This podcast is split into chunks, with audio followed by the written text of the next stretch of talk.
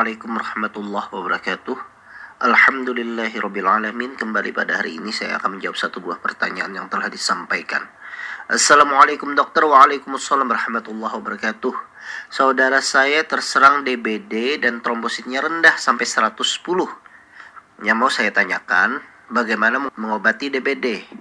Apakah harus dibawa ke rumah sakit Ataukah bisa dirawat di rumah saja? Saat kondisi yang bagaimana sehingga saudara saya dibawa ke rumah sakit? Bagaimana cara meningkatkan trombosit? Apakah ada makanan atau buah-buahan khusus untuk cepat meningkatkan trombosit? Mohon penjelasannya dok, terima kasih dari Kania. Baik Ibu Kania, terima kasih banyak atas pertanyaannya. DBD, DBD itu adalah demam berdarah dengu ya singkatannya itu. Sedangkan trombosit rendah ini 110 ini maksudnya 110 ribu ya uh, bukan 110 tapi 110 ribu. Jadi sebelum kita berbicara lebih lanjut saya akan jelaskan dulu namanya DBD atau demam berdarah dengu.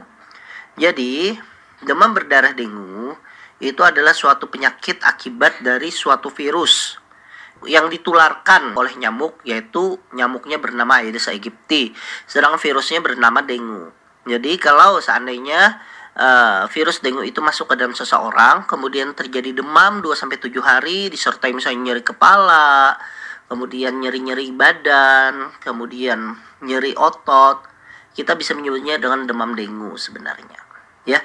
Kemudian kalau disertai adanya namanya itu kebocoran plasma ya istilahnya di mana kebocoran plasma itu ada pemeriksaan yang bisa dikenali oleh dokter atau ada pemeriksaan fisik yang didapatkan oleh dokter maka dia berubah menjadi namanya demam berdarah dengu. Jadi bisa demam dengu atau bisa demam berdarah dengu. Sedangkan demam berdarah itu sendiri terbagi menjadi empat grade. Ada grade 1, grade 2, grade 3, dan grade 4. Grade 4 itu yang disebut dengan dengue shock syndrome, di mana seseorang itu bisa terjadi komplikasi tekanan darahnya sampai rendah, bahkan bisa sampai terjadi kematian. Nah, bagaimana cara mengobati demam berdarah dengu? Atau mungkin kita menyebutnya demam dengu dulu deh. Jadi prinsipnya bahwa kita ketahui bersama tadi bahwa demam berdarah dengu atau demam dengu itu disebabkan karena virus. Berarti daya tahan tubuh lah yang akan menghilangkan virus tersebut atau memerangi virus tersebut. Sehingga yang penting bagi kita adalah menjaga agar sampai tidak terjadi komplikasi dan tidak terjadi kebocoran plasma. Dan cara seperti apa? Daya tahan tubuhnya ditingkatkan, istirahat, cukup minum supaya jangan terjadi kekurangan cairan dan tentunya yang beraktivitas yang terlalu lelah. Jadi biarkan tubuh nanti yang mengobati dirinya sendiri dan membunuh virus tersebut. Memang ada beberapa pendapat mengatakan perlu diberikan imunomodulator yaitu suatu uh, obat untuk meningkatkan sistem imun. Ada juga perlu di, diberikan obat-obat untuk meningkatkan imunnya seperti uh, obat-obat yang mengandung esenacea. Tapi ya secara umum adalah daya tahan tubuh kita lah yang membunuh virus dengue tersebut. Apakah harus dirawat dibawa ke rumah sakit ataukah bisa di rumah saja?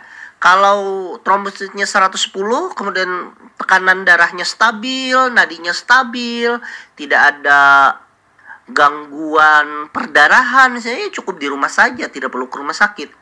Kadang dimasukkan ke rumah sakit misalnya trombositnya sudah di bawah 100 ribu. Ya jaga-jaga kalau ada terjadi perdarahan seperti mimisan, atau kencingnya bisa berdarah di mana nanti bisa menyebabkan hipovolemik atau uh, kekurangan cairan. Dan tu, uh, tujuan untuk dirawat itu adalah untuk melihat tanda vital tubuh kita seperti tekanan darah, nadi, saturasi, pernafasan. Tapi kalau seandainya kondisinya stabil saja, ya tidak perlu, cukup di rumah saja, istirahat, diminum obat suportif seperti kalau demam diminum obat paracetamol misalnya, kemudian tambahkan vitamin, itu menurut saya cukup, tidak harus dibawa ke rumah sakit. Nah, bagaimana kondisinya kalau dia indikasi dibawa ke rumah sakit? Kalau terjadi gangguan tanda vital, misalnya nadinya lemah, orangnya lemes, muntah-muntah, nyeri kepala hebat, ya tentunya harus segera dibawa ke rumah sakit. Berarti demam dengunya atau demam berdarah dengunya itu bukan hal yang biasa. Harus segera dibawa ke rumah sakit untuk diobati. Terutama dipantau tanda vitalnya serta dicukupkan kebutuhan cairannya. Apalagi misalnya uh, lemes sekali kemudian periksa tekanan darah ternyata tensinya itu di bawah 100 sistoliknya wah itu segera dibawa ke rumah sakit karena yang berbahaya dari demam dengue itu adalah tekanan darah yang menurun dan itu tentu sangat berbahaya sekali bagi seseorang yang mengalami hal tersebut. Uh, bagaimana cara meningkatkan trombosit? Sebenarnya trombosit ini ada perjalanan dari demam dengue. Jangan khawatir sebenarnya ya. Orang demam, de demam dengue ya rata-rata trombositnya turun. Jadi yang mengkhawatirkan itu. Kenapa trombosit turun? Ada beberapa uh, teori. Yang pertama karena adanya destruksi trombosit. Jadi adanya penghancuran trombosit. Kemudian umur trombosit yang menjadi pendek dan yang ketiga itu teorinya adalah produksi trombosit yang berkurang karena adanya supresi dari virus tersebut. Sebenarnya bukan hanya trombosit yang turun. Pada saat infeksi uh, virus itu leukosit juga turun. Kadang itu yang kita lupakan. Kadang orang terlalu, terlalu memperhatikan trombosit sebenarnya ada komponen lain yaitu leukosit. Di mana leukosit yang turun itu menandakan aktivitas virus yang masih meningkat. Selain itu kita juga harus memperhatikan hematokrit. Hematokrit itu adalah suatu komponen darah yang ada di dalam plasma darah. Kalau hematokritnya meningkat, ini justru harus diwaspadai karena ini menandakan kemungkinan terjadinya kebocoran plasma.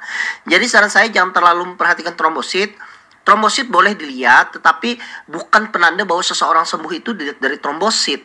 Ya, bisa saja misalnya klinisnya sudah membaik, trombositnya masih di bawah, misalnya masih 110, 120 sebenarnya tidak ada masalah. Berbeda kalau trombositnya memang rendah sekali di bawah 10 ribu misalnya, bahkan di bawah 5000 eh, ya mungkin saja itu sangat risiko terjadinya perdarahan. Makanya pada saat itu beberapa teman sejawat atau dokter itu merekomendasikan harus diberikan transfusi trombosit. Uh, adakah makanan atau buah-buahan khusus untuk cepat meningkatkan trombosit memang ada beberapa studi-studi yang mengatakan bahwa ada buah-buahan tertentu yang meningkatkan trombosit ya. Susu misalnya jambu merah misalnya dikatakan itu meningkatkan trombosit. Ada penelitian lain kurma yaitu dia meningkatkan trombosit. Boleh dikonsumsi itu tetapi jangan terpaku itu ya. Yang penting adalah bagaimana kestabilan tubuh secara utuh, bagaimana kita menjaga seseorang itu supaya sembuh, istirahat diberikan pengobatan yang menyeluruh, dijaga tanda vitalnya, maka insya Allah tanpa kita terlalu khawatir dengan trombosit, seorang itu akan disembuhkan oleh Allah Subhanahu Wa Taala. Mungkin itu saja yang bisa saya jawab. Semoga ini bermanfaat untuk kita semua. Salah khilaf, saya memohon maaf. Semoga kita semua diberikan kesehatan oleh Allah Subhanahu Wa Taala. Wassalamualaikum warahmatullahi wabarakatuh.